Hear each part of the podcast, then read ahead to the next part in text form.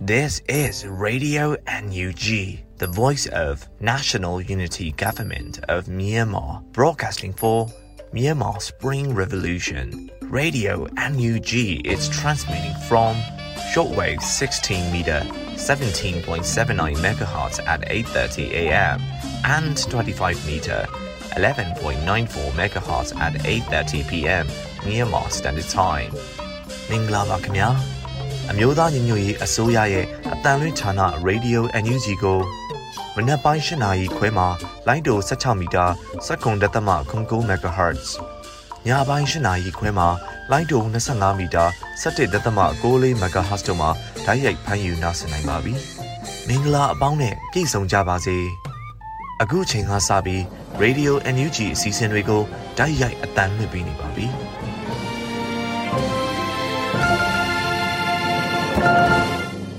မြန်မာနိုင်ငံသူနိုင်ငံသားအပေါင်းတဘာဝပေးဆရာနာရှင်ပြီးတို့ကနေကင်းဝေးပြီးကိုစိတ်နှပါပေးကင်းလုံးကြုံကြပါစေလို့ရေဒီယိုအန်ယူဂျီဖွယ်သားများကဆုတောင်းမြတ်တာပို့သလာရပါတယ်။အခုချိန်ကစပြီးအစီအသတင်းချင်းချုပ်ကိုတော့ရန်နိုင်ကဖတ်ကြားတင်ပြပေးမှာဖြစ်ပါတယ်ရှင်။စစ်ကောင်စီနဲ့တိုက်ပွဲဖြစ်ပွားမှုအခြေအနေများကိုတင်ဆက်ပေးပါမယ်။ကရင်ပြည်နယ်မှာဇန်နဝါရီလ15ရက်နေ့နေ့လယ်12နာရီချိန်ခန့်ကကော့ဂရိတ်မြို့မြို့ဟောင်းရွာသစ်ဖျားကုန်းတိုက်ပွဲမှာ စစ်ကောင်စီတပ်နဲ့ KNLA PDF ပူးပေါင်းတပ်များ ထိတွေ့တိုက်ပွဲဖြစ်ပွားခဲ့ပြီး စစ်ကောင်စီများက၎င်းတို့စိုးမိုးထားတဲ့ဖျားကုန်းကိုဆွတ်လွတ်ဆုတ်ခွာ ထွက်ပြေးသွားခဲ့ကြပါတယ်ခင်ဗျာချင်းပြည်နယ်မှာ ဇန်နဝါရီလ15ရက်နေ့ နေ့လယ်12နာရီချိန်ခန့်က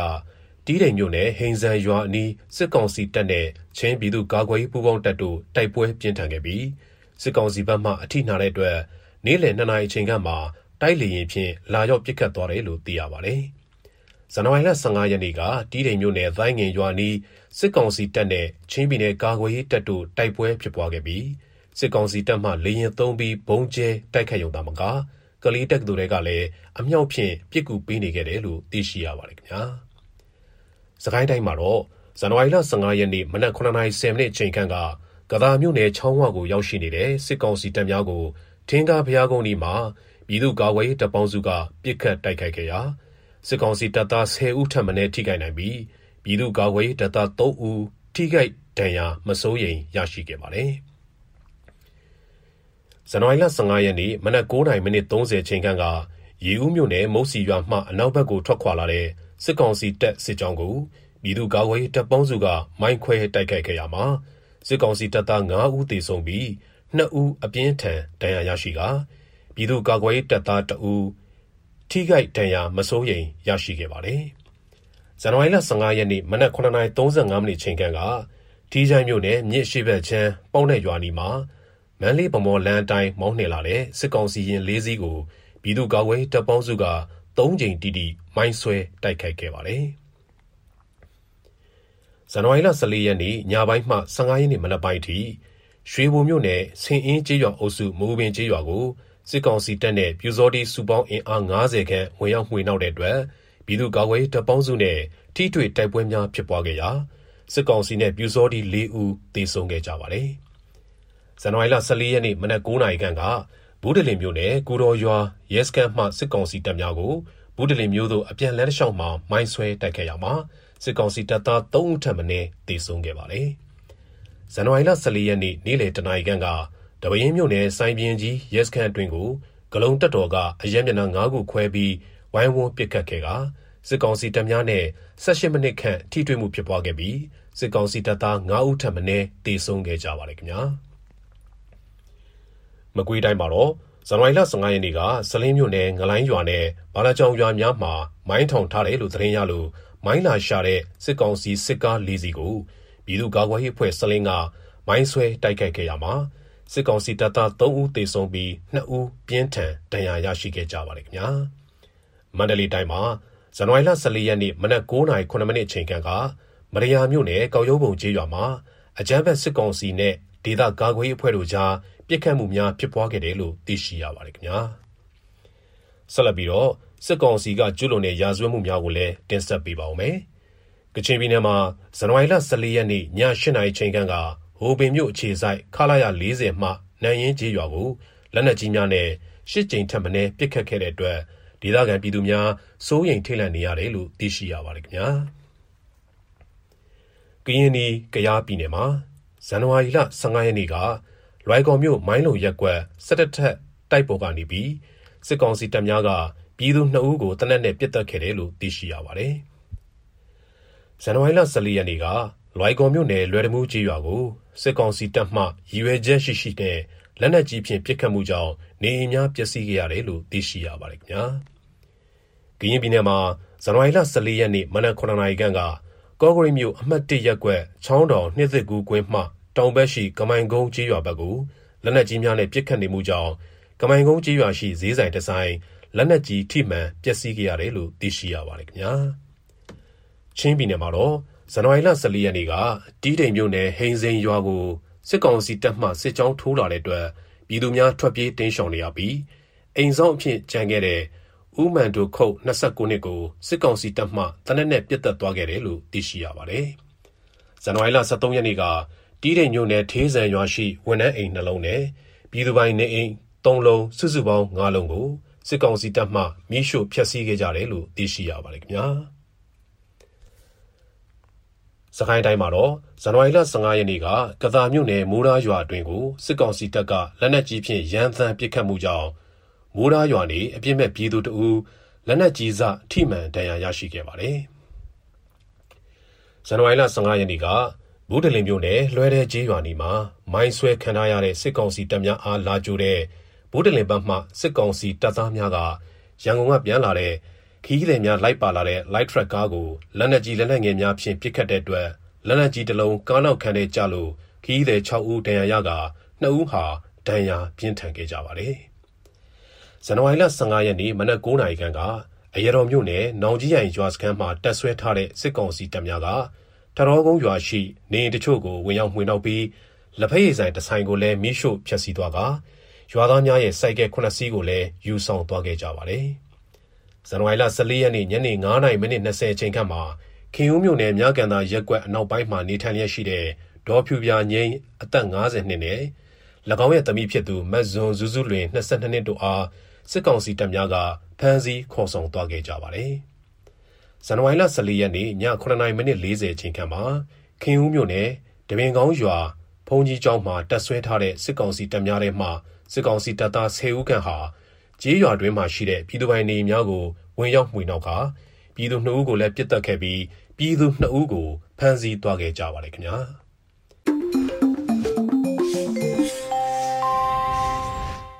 ရေဒီယို NUG မှာဆက်လက်တင်ပြနေပါတယ်။အခုဆက်လက်ပြီးနားဆင်ကြရမှာကတော့နောက်ဆုံးရပြည်တွင်းသတင်းများဖြစ်ပါတယ်။အဲရီကဖတ်ကြားတင်ပြပေးမှာဖြစ်ပါတယ်ရှင်။ မင်္ဂလာပါရှင်အခုချိန်ကစပြီး Radio NUG မနက်ခင်းသတင်းတွေကိုတင်ပြပေးတော့မှာဖြစ်ပါတယ်အခုတင်ပြပေးမယ့်သတင်းတွေကိုတော့ Radio NUG သတင်းတာဝန်ခံတွေနဲ့ခိုင်လုံတဲ့မိဖက်သတင်းအရင်းမြစ်တွေကနေအခြေခံတင်ပြထားတာဖြစ်ပါတယ်ရှင်ကျွန်မကတော့ Airy ပါပထမဆုံးအနေနဲ့တိုးတက်မှုမရသည့်စစ်ကောင်းဆောင်တွေကိုဆက်လက်ဖယ်ကျင်ထားဖို့စင်ကာပူဝန်ကြီးချုပ်ပြောဆိုလိုက်တဲ့သတင်းကိုတင်ပြပေးခြင်းပါတယ်။ မြန်မာပြည်မှာစစ်အာဏာသိမ်းခဲ့ပြီးကတည်းကအာဆီယံထိပ်သီးအစည်းအဝေးမှာစစ်အုပ်စုခေါင်းဆောင်တွေကိုနိုင်ငံကိုစားပြုတက်ရောက်ခွင့်မပေးခဲ့ပါဘူး။အစည်းအဝေးမှာမြန်မာတက်ရောက်ဖို့လုံးဝပိတ်ပင်ထားတာမျိုးမဟုတ်ဘဲနိုင်ငံရေးနဲ့မသက်ဆိုင်တဲ့ကိုယ်စားလှယ်တဦးကိုသာဖိတ်ကြားခဲ့တာပါ။ဒီအစဉ်လာကိုဆက်လက်ထိန်းသိမ်းထားတဲ့အကြောင်းစင်ကာပူနိုင်ငံသားရေးဝန်ကြီးဌာနကစနေနေ့မှာထုတ်ပြန်လိုက်တာကို CNA သတင်းဌာနကဖော်ပြခဲ့ပါတယ်။ အာဏာသိမ်းပြီးနောက်ပိုင်းနှစ်လကျော်အကြာအင်ဒိုနီးရှားနိုင်ငံမှာကျင်းပတဲ့အာဆီယံထိပ်သီးအစည်းအဝေးမှာအာဏာသိမ်းစစ်ကောင်ဆောင်မင်းအောင်လှိုင်တက်ရောက်ခဲ့ပြီးကတည်းကအာဆီယံဘုံသဘောထား၅ချက်အကောင့်ထဲပေါ်ဖို့ကတိကဝတ်ရှိခဲ့ပါတယ်။ဒါပေမဲ့လက်တွေ့အကောင့်ထဲပေါ်ဆောင်မှုကင်းမဲ့ခဲ့ပြီးအကြမ်းဖက်စစ်ရာဇဝတ်မှုတွေကိုသာတိုးမြင့်ကျူးလွန်ခဲ့ပါတယ်။ဒီပုံသဘောတူညီချက်တွေကိုလိုက်နာတိုးတက်မှုမရှိသည့်မြန်မာစစ်ကောင်ဆောင်တွေကိုထိပ်သီးအစည်းအဝေးမဖိတ်ဖို့စင်ကာပူဝန်ကြီးချုပ်လီရှန်လွန်ကပြောကြားလိုက်တာပါ။ အာဆီယံဥက္ကဋ္ဌနေရာကိုကမ္ဘောဒီးယားနိုင်ငံကအလှည့်ကျတာဝန်ထမ်းဆောင်ချိန်ကစလို့ဝန်ကြီးချုပ်ဟွန်ဆန်ရဲ့မြန်မာစစ်ကောင်းဆောင်တွေပေါ်လူရသွင်းအလေးပေးဆက်ဆံမှုတွေကအာဆီယံနိုင်ငံတွေကြားသာမကပဲကမ္ဘာနိုင်ငံကြီးတွေအထိပါစိတ်အနှောက်အယှက်ဖြစ်ခဲ့ရပါတယ်။ဇန်နဝါရီလ14ရက်နေ့မှာကမ္ဘောဒီးယားဝန်ကြီးချုပ်ဟွန်ဆန်နဲ့စင်ကာပူဝန်ကြီးချုပ်တို့အွန်လိုင်းကနေတွေ့ဆုံရမှာတော့အာနာသိန်းကောင်းဆောင်တွေကိုအစည်းအဝေးပွဲရောက်လာအောင်အလေးပေးဖိတ်ကြားခြင်းမပြုဖို့အခုလိုထပ်မံပြောကြားလိုက်တာလည်းဖြစ်ပါတယ်။ အွန်လိုင်းကတဆင့်တွေ့ဆုံမှုမှာဝန်ကြီးချုပ်ဟွန်ဆန်ကသူ့အနေနဲ့အာဆီယံဥက္ကဋ္ဌအဖြစ်ဒီတစ်နှစ်အတွင်းဦးစားပေးအစီအစဉ်တွေကိုရှင်းပြခဲ့တယ်လို့စင်ကာပူနိုင်ငံသားရေးဝန်ကြီးဌာနကထုတ်ပြန်ပါတယ်။အာဆီယံခေါင်းဆောင်တွေကစစ်ခေါင်းဆောင်ကိုဖယ်ကျင်ထားဖို့ဆုံးဖြတ်ထားပါတယ်။ဒဒီဆုံးဖြတ်ချက်ကိုပြန်ပြီးသုံးသပ်ဖို့ဆိုတာဆွေးနွေးမှုတိုင်းဟာအချက်လက်အသစ်တွေပေါ်ပဲအခြေခံရပါမယ် အာဆီယံဥက္ကဋ္ဌအနေနဲ့စစ်တပ်အမျိုးသားဒီမိုကရေစီအဖွဲ့ချုပ် NLD အပါအဝင်သက်ဆိုင်ရာအဖွဲ့အစည်းအလုံးနဲ့စိစက်ဆွေးနွေးဖို့လိုအပ်ကြောင်းဝန်ကြီးချုပ်လီကအလေးပေးပြောကြားခဲ့ပါတယ်လို့ထုတ်ပြန်ချက်မှာဖော်ပြထားတာပါ။ အာနာသိန်းမြန်မာစစ်တပ်ကတိုင်းသားလက်နက်ကိုင်နေနဲ့အပြစ်ခတ်ရဲစဲရေးအချက်ကိုအဆိုပြုခဲ့ပေမဲ့အာဆီယံရဲ့ဘုံသဘောတူညီချက်9ရက်မှာပါတဲ့အဓိကအချက်ကတော့အကြမ်းဖက်မှုရဲစဲရေးတောင်းဆိုချက်သာဖြစ်ပါတယ်။စစ်တပ်ဟာသူ့ရဲ့နိုင်ငံရေးအတိုက်ခံနေနဲ့အရက်သားတွေပေါ်အကြမ်းဖက်မှုတွေကိုရပ်တန့်မှုအဓိကရည်ညွှန်းတာဖြစ်တယ်လို့လည်းဝန်ကြီးဌာနကထုတ်ပြန်ချက်ကထပ်လောင်းထောက်ပြပြောဆိုပါတယ်။ဝေဖန်မှုတွေကြားမှာပဲအာဆီယံဥက္ကဋ္ဌဟွန်ဆန်ဟာမြန်မာနိုင်ငံကိုအလဲအပတ်သွားရောက်ခဲ့ပါတယ် ဒါပေမဲ့ပြည်တွင်းမှာတော့မြန်မာစစ်တပ်ကသူ့ရဲ့နိုင်ငံရေးစန့်ကျင်အင်အားစုတွေကိုပုံမှုဖိနှိပ်ခဲ့တယ်လို့ဒေါအောင်ဆန်းစုကြည်ကလည်းထောင်နှံနေထပ်မံချမှတ်ခဲ့တာကိုစင်ကာပူဝန်ကြီးချုပ်အနေနဲ့သတိပြုမိကြောင်းလည်းဆိုပါတယ်။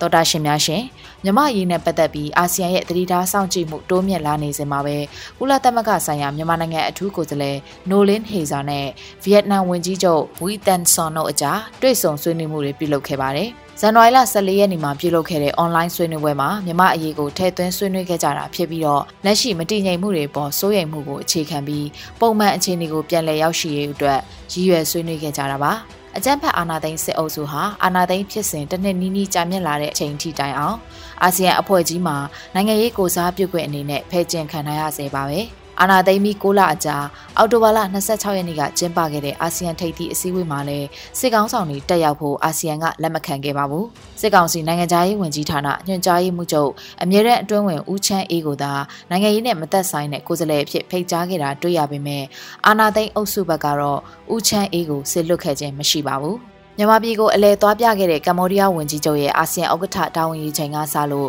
မြန်မာအရေးနဲ့ပတ်သက်ပြီးဆွေးနွေးကြထောက်ပြကြနဲ့သတင်းတွေလှုပ်လှုပ်ခက်ခက်ဖြစ်လာနေပါတယ်။တပြိုင်တည်းမှာပဲမြန်မာပြည်ရင်းကဒီမိုကရေစီရေးလက်နက်ကင်တော်လှန်ရေးတပ်ဖွဲ့တွေကိုအကြမ်းဖက်စစ်တပ်ကလေကြောင်းတိုက်ခိုက်မှုနဲ့တာလွန်အင်အားအုံပြုပြီးရွာနဲ့ရွာသားတွေကိုမိရှို့အကြမ်းဖက်မှုတွေဟာလည်းနေ့စဉ်လိုလိုကျူးလွန်နေကြဆဲဖြစ်ပါတယ်ရှင်။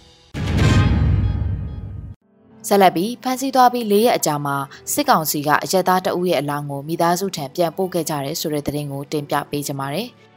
တနင်္သာရီတိုင်းတဝယ်မြို့နယ်ရှင်မုတ်ထီးရွာဖျားအနာကကျန်းဖတ်စစ်တပ်ပိုင်းမိုက်တဲတာဝါတိုင်းမိုင်းခွဲခံရပြီးတဲ့နောက်မှာတန်တရားနဲ့ဖမ်းဆီးခံရသူတွေရှိခဲ့ပြီးဇန်နဝါရီလ15ရက်နေ့မှာတော့ဖမ်းဆီးခံရသူတွေတဲကတအူးတေဆုံးသွားခဲ့ပါတယ်။ဇန်နဝါရီလ15ရက်နေ့နေ့လယ်ပိုင်းမှာအလောင်းကိုမိသားစုထံလာပြန်ပို့သွားတယ်လို့ဒေသခံတွေကပြောပါတယ်။ နေ့လယ်12နာရီအချိန်ခန့်ကစစ်ကောင်စီအဖွဲ့ရဲ့စစ်ကြောရေးမှာတေဆုံးသွားသူက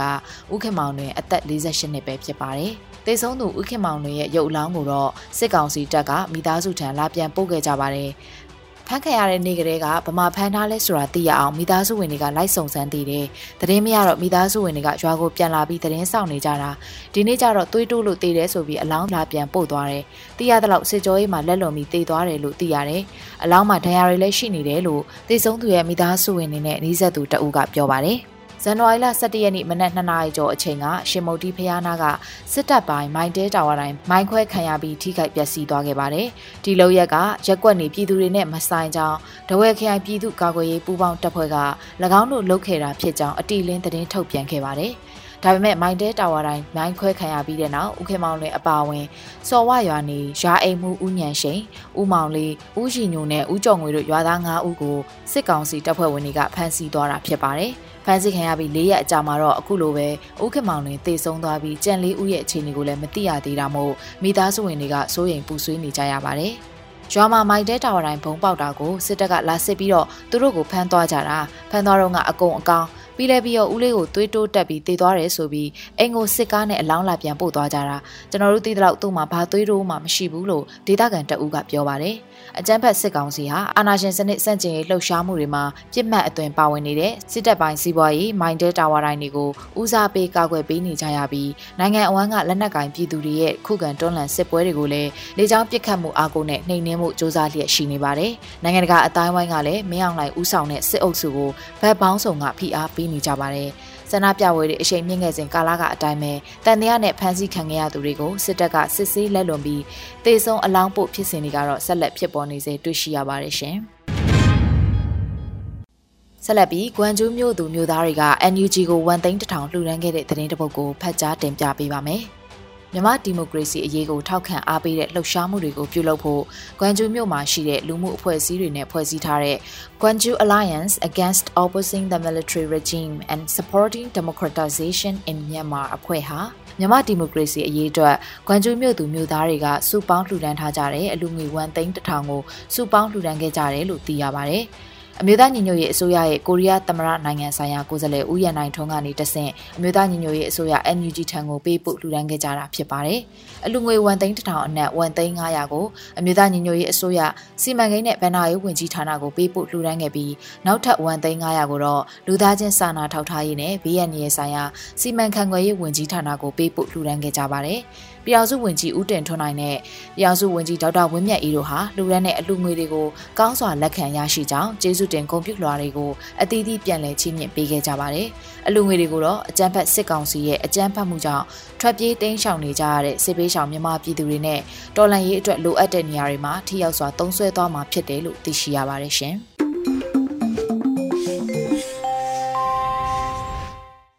ရေဒီယိုအန်ယူဂျီမှာဆက်လက်တင်ပြနေပါတယ်။ အခုဆက်လက်ပြီးတော့ပြည်သူခုခံတော်လှန်စစ်တရင်များကိုတော့ຫນွေဦးလွင်မှဖတ်ကြားတင်ပြပေးမှာဖြစ်ပါတယ်။မန်လေးမြို့35လမ်း86လမ်းနဲ့89လမ်းကြားရှိမဟာအောင်မြေမြို့နယ်လျှက်စစ်ရုံရှိမှာကင်းဆောင်နေတဲ့အကြမ်းဖက်စစ်ကောင်စီတပ်ဖွဲ့များကိုမန်လေးမြို့ပြပျောက်ကြားတပ်ဖွဲ့မှယမန်နေ့ဇန်နဝါရီလ14ရက်ည9:45မိနစ်မှာဝင်ရောက်ပစ်ခတ်ခဲ့ရာအ ਨੇ ဆုံးစစ်သားတအုပ်သိဆုံးကြောင်းအဆိုပါပျောက်ကြားတပ်ဖွဲ့ထံမှသိရှိရပါတယ်။ပျောက်ကြားတပ်ဖွဲ့များဝင်ရောက်ပစ်ခတ်ချိန်မှာလမ်းလျှောက်နေတဲ့စစ်သားတအုပ်လဲကျသွားကြောင်း နောက်တဦးမှာတဲအိမ်များအောင်ဝင်ပုံးတီလောလဲကျသိဆုံးတီလောအတိမပြုတ်နိုင်သေးကြောင်း JMPDF ကသတင်းထုတ်ပြန်ပါတယ်။ဒီပြင်းမြို့နယ်စိုင်းမြရဲစခန်းအတွင်းရှိအင်အား30ပါစစ်ကောင်စီတပ်ဖွဲ့ကိုယမနေ့ဇန်နဝါရီလ14ရက်ညနေ4:55မိနစ်မှာဂလုံတက်တော်ကနေရာ9နေရာမှာမိုင်းရှစ်လုံးနဲ့ဖောက်ခွဲတိုက်ခိုက်ခဲ့ပြီးစစ်ကောင်စီတပ်ဖွဲ့ဝင်များထိခိုက်ကြဆုံးမှုရှိနိုင်ကြောင်းဂလုံတပ်ဖွဲ့ကထုတ်ပြန်ပါတယ်။အကြမ်းဖက်စစ်ကောင်စီတပ်ဖွဲ့များဟာစစ်တပ်နက်များ40မမများဖြင့်ပြန်လည်ပစ်ခတ်ခဲ့ကြောင်း ဂလုံတက်တော်တပ်ဖွဲ့ဝင်များအထိကိမရှိပြန်လည်ဆုတ်ခွာနိုင်ခဲ့ကြောင်းဂလုံတက်တော်ကသတင်းထုတ်ပြန်ပါတယ်။မကွေးတိုင်းမြစ်ချေမြို့မှာရဲစခန်းမှာအကြမ်းဖက်စစ်ကောင်စီတပ်ဖွဲ့ဝင်များကိုယမန်နေ့ဇန်နဝါရီလ14ရက်မနက်၈နာရီမှာမြစ်ချေကျွန်းချောင်းပြည်သူ့ကာကွယ်ရေးတပ်ဖွဲ့ကမိုင်းဆွဲတိုက်ခိုက်ခဲ့ပြီးစစ်သားတအုပ်တေဆုံးကတအုပ်တန်ရရရှိသွားကြောင်းသိရှိရပါတယ်။မိုင်းဆွဲတိုက်ခိုက်ပြီးတဲ့နောက်မြစ်ချေကျွန်းချောင်းပြည်သူ့ကာကွယ်ရေးတပ်ဖွဲ့ဝင်များအထိကိမရှိပြန်လည်ဆုတ်ခွာနိုင်ကြောင်းဒေသခံပြည်သူများအနေဖြင့်လည်း MCKC PDF ကထုတ်ပြန်ထားတဲ့သတိပေးချက်များကိုအထူးလေးထားကြဖို့ မြစ်ချေကွန်ကြောင်း PDF ကထုတ်ပြန်ထားတာပါဇန်နဝါရီလ15ရက်နေ့မနက်9:00နာရီအချိန်စကိုင်းတိုင်းဒေသကြီးအထက်ပိုင်းချောင်းဝရွာအနီးမြို့လ PDF တပ်နဲ့တင်မောလုံခြုံရေးနေရာယူစစ်ကောင်စီတပ်ဖွဲ့များတိုက်ပွဲဖြစ်ပွားကြောင်းယနေ့မနက်9:00နာရီခန့်မှာတင်မောလုံခြုံရေးယူဖို့ချောင်းဝကထွက်ခွာလာတဲ့စစ်ကောင်စီတပ်ရင်း121နဲ့ဗိုလ်စာမဏီဦးဆောင်တဲ့မြို့လ PDF တပ်ခွဲနှင့် KIA ပူးပေါင်းအဖွဲ့တို့ထိတွေ့တိုက်ပွဲဖြစ်ပွားခဲ့ခြင်းဖြစ်ကြောင်းသိရှိရပါတယ်။ ချောင်းမကျွေးရွာတဲကနေပြီးရွာဥယေချမ်းစင်ဘက်ကိုထွက်ခွာလာတဲ့စစ်ကောင်စီတပ်ဖွဲ့ဝင်များကိုပြည်သူ့ကာကွယ်ရေးတပ်ဖွဲ့များကမိုင်းဆွဲတိုက်ခိုက်ခဲ့ရာစစ်တပ်ကပြန်လည်ပစ်ခတ်ခဲ့ပြီးကြေးရွာအတွင်းသို့ပြန်ဝင်သွားကြောင်းလက်ရှိအချိန်မှာစကားဆများဟာကတာမြို့အထက်ပိုင်းချောင်းဝမိုးဒါတံမြာကုန်းမဲဟင်းကြေးရွာများသို့ရောက်ရှိပြီးရွှေကူမှဆင်းလာတဲ့စစ်သည်မောနှစီအားကာကွယ်ရန်ဖြစ်ကြောင်းကြေးရွာများသို့နေရာယူလျက်ရှိကြောင်းဒေသသတင်းရမြစ်ကဖော်ပြထားပါတယ်။ဒါအပြင်ကတာမြို့နယ်မိုးဒါကြေးရွာတောင်ပေါ်ကျောင်းသုံးနေရာမှာတက်ဆွဲထားတဲ့စစ်ကောင်စီတပ်များက ကျောင်းဝင်းအတွင်းမှနေပြီးနှိုးတန်းရွာဘက်ကို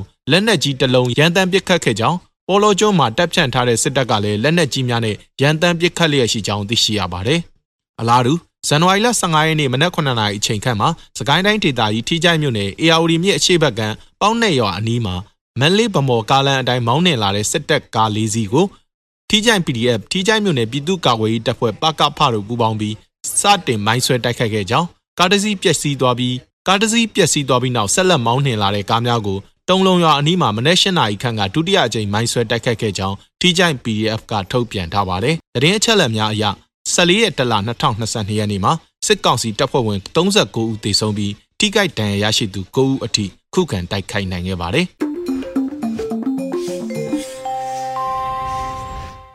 ရေဒီယိုအန်ယူဂျီမှာဆက်လက်တင်ပြနေပါတယ်။ အခုဆက်လက်ပြီးနားဆင်ကြရမှာကတော့နေ့စဉ်သတင်းများဖြစ်ပါတယ်။မျိုးတော်တာမှဖတ်ကြားတင်ပြပေးထားပါတယ်ရှင်။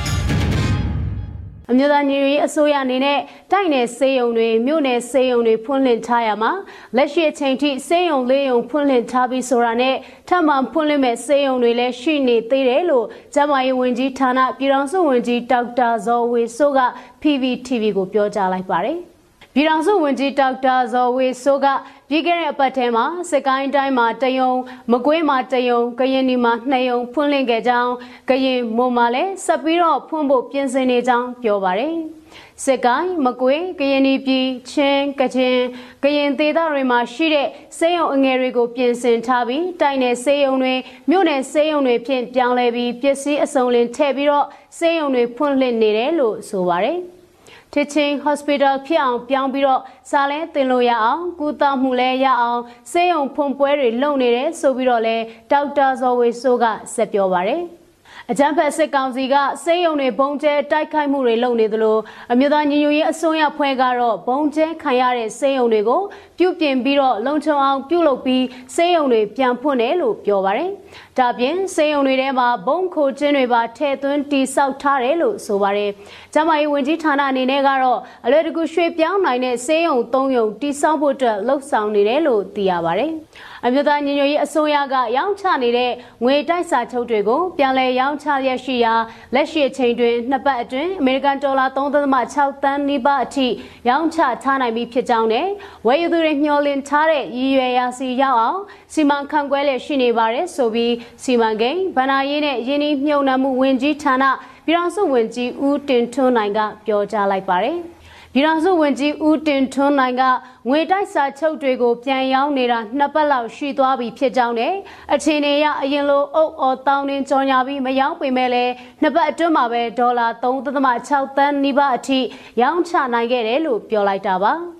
ပြည်သူတွေရဲ့ထဲ့ဝင်ငွေတွေကိုတကြက်တပြားကစလို့လုံးဝအလဟဒအဖြစ်မခံဘူးဆိုတာနဲ့အလေလွတ်ဆုံးရှုံးလည်းမရှိစေရဘူးဆိုတာကိုဒေါ်လှန်ရေးသစ္စာနဲ့တာဝန်ယူရဲဆိုပြီးပြောပါတယ်။ ရောင်ရငွေအားလုံးကိုတော်လှန်ရေးအောင်စိတ်နဲ့စိတ်ပိုင်းဖြတ်ယုံကြည်စွာနဲ့ဝယ်ယူတဲ့သူတွေမျှော်လင့်ထားတဲ့ရည်ရွယ်ချက်စီရောက်ဖို့အတွက်စနစ်တကျစီမံခန့်ခွဲပေးနေတယ်လို့လည်းဆိုထားပါတယ်။ငွေတိုက်စာချုပ်ဝယ်ယူမှုကဒေါ်လာရေးအတွက်ထိရောက်တဲ့အရွေ့တစ်ခုကိုစောင့်ကြည့်ပေးတယ်ဆိုတာနဲ့မြန်မာမြေပေါ်ကနေအကြမ်းဖက်စစ်အာဏာရှင်စနစ်လုံးဝချုပ်ငိမ့်ပြောက်ကွယ်သွားစေဖို့အတွက်အဓိကလိုအပ်ချက်ဖြစ်တဲ့ဗဏ္ဍာယံပုံငွေရရှိစေဖို့ ငွေတိုက်စာချုပ်တွေကိုစွမ်းနိုင်သမျှဝယ်ယူပေးကြဖို့အတွက်လည်းဦးတင်ထွန်းနိုင်ကအလေးအနက်အထူးမြစ်တာရက်ခံတိုက်တွန်းထားပါတယ်။နိုင်ငံတကာမှာရှိတဲ့ငွေတိုက်စာချုပ်အယောင်ကိုယ်စားလှယ်တော်လှန်ရေးအင်အားစုတွေရဲ့စည်ရင်ကိုဝင်ကြီးဌာနအနေနဲ့ထုတ်ပြန်ကြေညာပေးဖို့ရှိတယ်လို့လည်းဆိုထားပါတယ်။အခုလိုအယောင်ကိုယ်စားလှယ်စည်ရင်ကြေညာပေးတဲ့အခါမှာတချို့အယောင်ကိုယ်စားလှယ်တွေကတော့အခြေအနေအရသက်ဆိုင်ရာနိုင်ငံရဲ့အကန့်အသတ်တွေအရဘော်ဘော်တင်တင်ကိုယ်စားလှယ်အဖြစ်နဲ့မကြေညာနိုင်သေးကြောင်းနဲ့ဝယ်ယူသူတွေအနေနဲ့ယုံကြည်ရင်းဆွဲရှိတဲ့သူတွေဖြစ်ခဲ့ရင်စိတ်ချလက်ချဆက်လက်ဝယ်ယူနိုင်တယ်လို့လည်းဆိုပါတယ် အမျိုးသားညီညွတ်ရေးအစိုးရငွေတိုက်စာချုပ်တွေရောင်းချရမှုကနေရခိုင်ကထက်ပုံမထိရောက်တဲ့တော်လှန်ရေးလိုအပ်ချက်ကိုဖြည့်ဆည်းပေးနိုင်နေတဲ့ဆိုတဲ့အကြောင်းကိုလည်းစီမံကိန်းဗဏ္ဍာရေးနဲ့ယင်းနှိမ့်မြုံနာမှုဝင်ကြီးဌာနပြည်ထောင်စုဝန်ကြီးဦးတင်ထွန်းနိုင်ကပြောကြားထားပါတယ်။ကျေးဇူးတင်ပါတယ်ရှင်။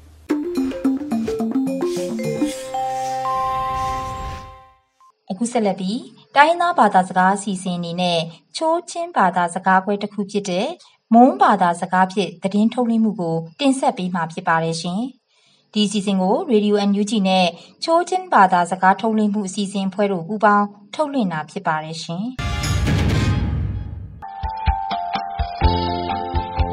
AUG ချိုရီဒူအုံထနာနမငိုင်ကနုပါဖိနက်တူနမရိုင်နောအတုငွယ်ခုကုမ်ဖရမ်ကူလမ်ဂူလေရီဇန်နဝါရီဖိခါရှလိကထရုံဟမ်အနုပိဝေရာကကခုကရုံလာခုပုန်ကနထူလေကျတုငွယ်ရှင်းုံကနောမိငိုင်ဘာဘာခင်ရောလောကနိ ကျွန်ကကုံအဆုပယံထူလေကျူ CTF မင်တာတန်ကနောမင်တာမရောင်ကနောမတူပီစိခယာအန်ကရဆွီကောင်စီရီယာမော်တော်ထုပ်နေအမင်ကနာကုံအန်ကရဆွီကောင်စင်ကချန်ဆုဖိခဒဆုကကြအမောင်ကကိနိ CTF minta tengano minta marong kano madubi sikhaya angkrusui kongsia motor lam leju lampa joyang thupne aminam ka nakung angkrusui kongsing ka khyasuk phia khuda sukja CTF minta tengano aprena opkine minta mangrola madubi mangro aningla maktung phikip leri thokung mbribrika january phikcha shale a mhun dang himkhim halagung lampa joyung aminaka kya kija mana opkine မဟန်ဒငါဂျုံပီမင်တာမဒူပီလမ်မက်တုံဖလိကိပလိမာလာကုံ CTF မင်တာရီတန်ကနောထုမနေမနကဘာနကုံစ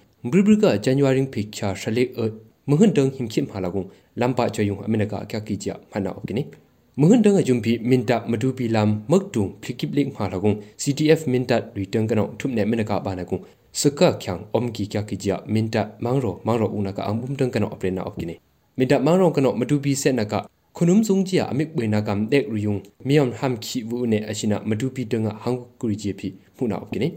ကျွန်တော်ကအဟိဘိနကောင်ထူလေကျူမြန်မာခုအကရုံအောင်တူအနာဖွာအုံခုနောင်နေကျွဲခက်ကြချန်စင်အဝန်လေကျူတမ်ကပ်ထုမတာဒမ်လတဘာကီကကီဂျာ UNOCH မြန်မာတန်ကနောအပနာမောင်ကကနီအင်္ဂရိစီကောင်စီတန်ကနောအာနာအမရုနကခရရှလေအတ်အကရုံလေကျူအုံခုနောင်နေဒေါင်ဂီယာမြန်မာခုချအဝန်တမ်ကပ်ထုမတာဒမ်လတဘာကီဂျာ UNOCH တန်ကနောဇန်နဝါရီဖိချာရှလိကထုမဟဘလောက်အပနာအပကနီအရှင်မယအုံခုနောင်ကချန်ရင်ကလေကျူ မြန်မာခုဟိကစစ်တံအော့ကစကိုင်မကွေလာချိုခုမြန်မာခုဟီလိုအမ်ဆုံတံအော့ကလာကယာကရင်လာမွန်တရင်ဒါယီချေမမယခွေရင်ကအဒမ်တူပါကကီချာဖူနာအော့ကိနီအရှင်နာချောင်စင်ရီဖိုလီကျူ UN လာခုဘုံဘုံအုံကအန်ဝိုင်ရီတန်ကနောခုချောင်ရီအောက်နီယာအမင်းစင်ဇန်ဟင်းဘယအမီတမ်ပောင်းနာအမမယတူဘခရခင်လေကျူအုံခုနောင်နေအရှင်မယကျွဲခိုင်နာဘောကချောင်ရီဖွာအမီအောက်ဝိုင်လာရှင်လုံးချီတူရီအမင်းဆုံဆပ်ဘယစုခရီအဒမ်အဒါအထူနာအော့ကီချေဖီအမီပင်နာအော့ကိနီ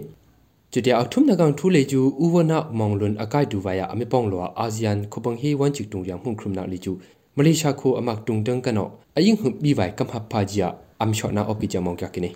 กัมพูชาคงจันวาริงพิกาชลิกทริลาชลิกโกคงหุบเรียงอเมบีวายาอาเซียนโคคุบังวันจิกตุงริงหุ่นครุมนาลิจูอายิงหุบบีไวกัมฮับพาจิยาอเมริกันมาเลเซียโคคุบังวันจิกตุงตาตุกซารีไซฟูดินอับดุลลาดังกันเนาะอเปรนาออกินี่အရှင်နာအာဆီယံကိုဝန်ချစ်တုံရမှုခရုမနာလေကျူအာဆီယံကိုအကရုံအပကီယဝန်ချစ်တုံရီအမေကိုက်တူနာဟင်းဘယကံဖတ်စီရှင်မယအမီရှောကကီဂျာမနာကိနိ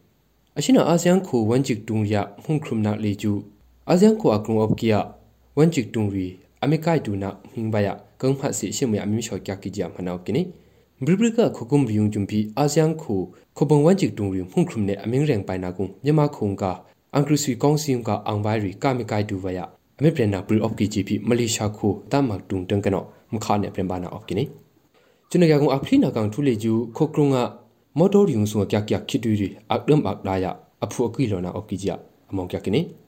ခိုကရုံကမော်တော်ရီယုံဆုကကခိတူရီအငှပ်တစီအကိုင်နာအောမူယာဘရဘရကဇန်နဝါရီဖိချာရှလင်းမာခဒလေကျူအရှင်နပခုကူမောင်ရောအပကတန်ကူရွေနာကုံကန်လေကျူဘက်ထရိုအောက်တင်92အကြကုံလီတာအတုံဖြာရှလင်းမာလာခရီကိကနေဒီဇယ်ပရီမီယန်လီတာအလေကျူအဒမ်ပြဖြာရှလင်းမာလာကိုကိပလင်းမာခဒကကနိမကူခွေရရကကထီလင်ကြောက်ထူမောင်ရောယုံလေကျူ ပက်ထရိုလီတာအဖြမ်ကူခဒလော့ကီဂျာမနောကိနိချိုခုံအော့ကီယမင်တမန်ရောကမ်လေမန်ရောလာမတူပီချိမမယမန်ရောယုံလေကျူအန်ကရဆွီကောင်စီယာအိတ်အောင်နာကခေါ်ရီငုံစေနာကန်ထော်ရဖွာရှင်လုံးရှိတူရီမော်တော်ရီယုံဆုငါကကီယာခိတူရီဂျုံဖီအဒမ်အဒိုင်အခွိနာအုံနေမင်တမန်ရောအကရုံလေကျူလီတာအဒုံဖြမ်ကူလင်းဖန်ကနောဖြမ်ကူလက်ခရုအခဒအခွိနာအော့ကီဂျီဖီဖုနာကိနေကျွန်တော်ကကုံအနုပြောင်ထူလေကျူ မင်တမန်ရောမောင်ရောဦးနာကအံဘုံလာအင်ထင်းထောင်နာကအံဘုံရီတန်ကနောတမ်ပန်းဦးနေမင်တမန်ရောပီရောယုံအော့ကီယာချောင်ဆုံဖြာခရုကိပလေရီတာဒမ်တဘာကီယမ်မှုမနာရီမထင်ထာနာပိပက်ခရီချမောကကနိမင်တမန်ရောမောင်ရောဦးနာကအံဘုံလာအင်ထင်းထောင်နာကအံဘုံတန်ကနောတမ်ပန်းနေနေအန်ဂရစီကောင်စီတန်ကနောအာနာအမရုနာကအခီနုံပီရောဝန်ဖြာလာထုံကိပလေခရုကုံကချောင်ဆုံဖြာခရုကိပလေရီတာဒမ်တဘာကလေးကျူမှုမနာရီမထင်ထာနာပိပက်ခရီချမနာကနိအရှမယအမင်ထင်ထာနာ Ashimaya amim tim thana kung leju minda mangrong opkia CTM BB tim thana unga sia sia mari jutia biroyung opkia ang hokhya volunteer bikia sia sia ma avan kyangsung phyak khrila phagip lagung kana amim thiri pika kini minda mangrong opkia biroyung ashimaya amim thina leju khyak thum lok be lok kia kene angri sui kaunsi dang kana lane shung le na ri o ma phwa tim thana aming dum na chumpi amsha biroyung le opkini jutia angri sui kaunsi dang kana မင်တမောင်းတော်ခန်ယူကမထင်ထောင်နာမိကဆရာဆရာမရီဖာနဲ့လူလေးနာရီအပိနာအော့ကီဂျီပီမင်တမောင်းတော်မောင်းတော်ဦးနာကအောင်ပုံတန်ကနော်ထူအောင်ရှနာနိငမ်တီတူရီနဲ့အတုငယ်ဖွာခုကရုံကထူရီမင်းကလေးယူအရှင်တို့ကလုံးကြခါနီအတုငယ်ဖွာခင်ပနဲ့နမနာငိုင်လောပဲကမြန်မာခုခေါလာကျောစားခေါဝန်အယုတီစီနာအင်အိုင်နာရီအယုမိုက်ဆကြအရှင်တို့ကနော်ကမနီအတိုင်လူတူပေရကနေနေဝနိမစာနိဟဲနမ်ဘော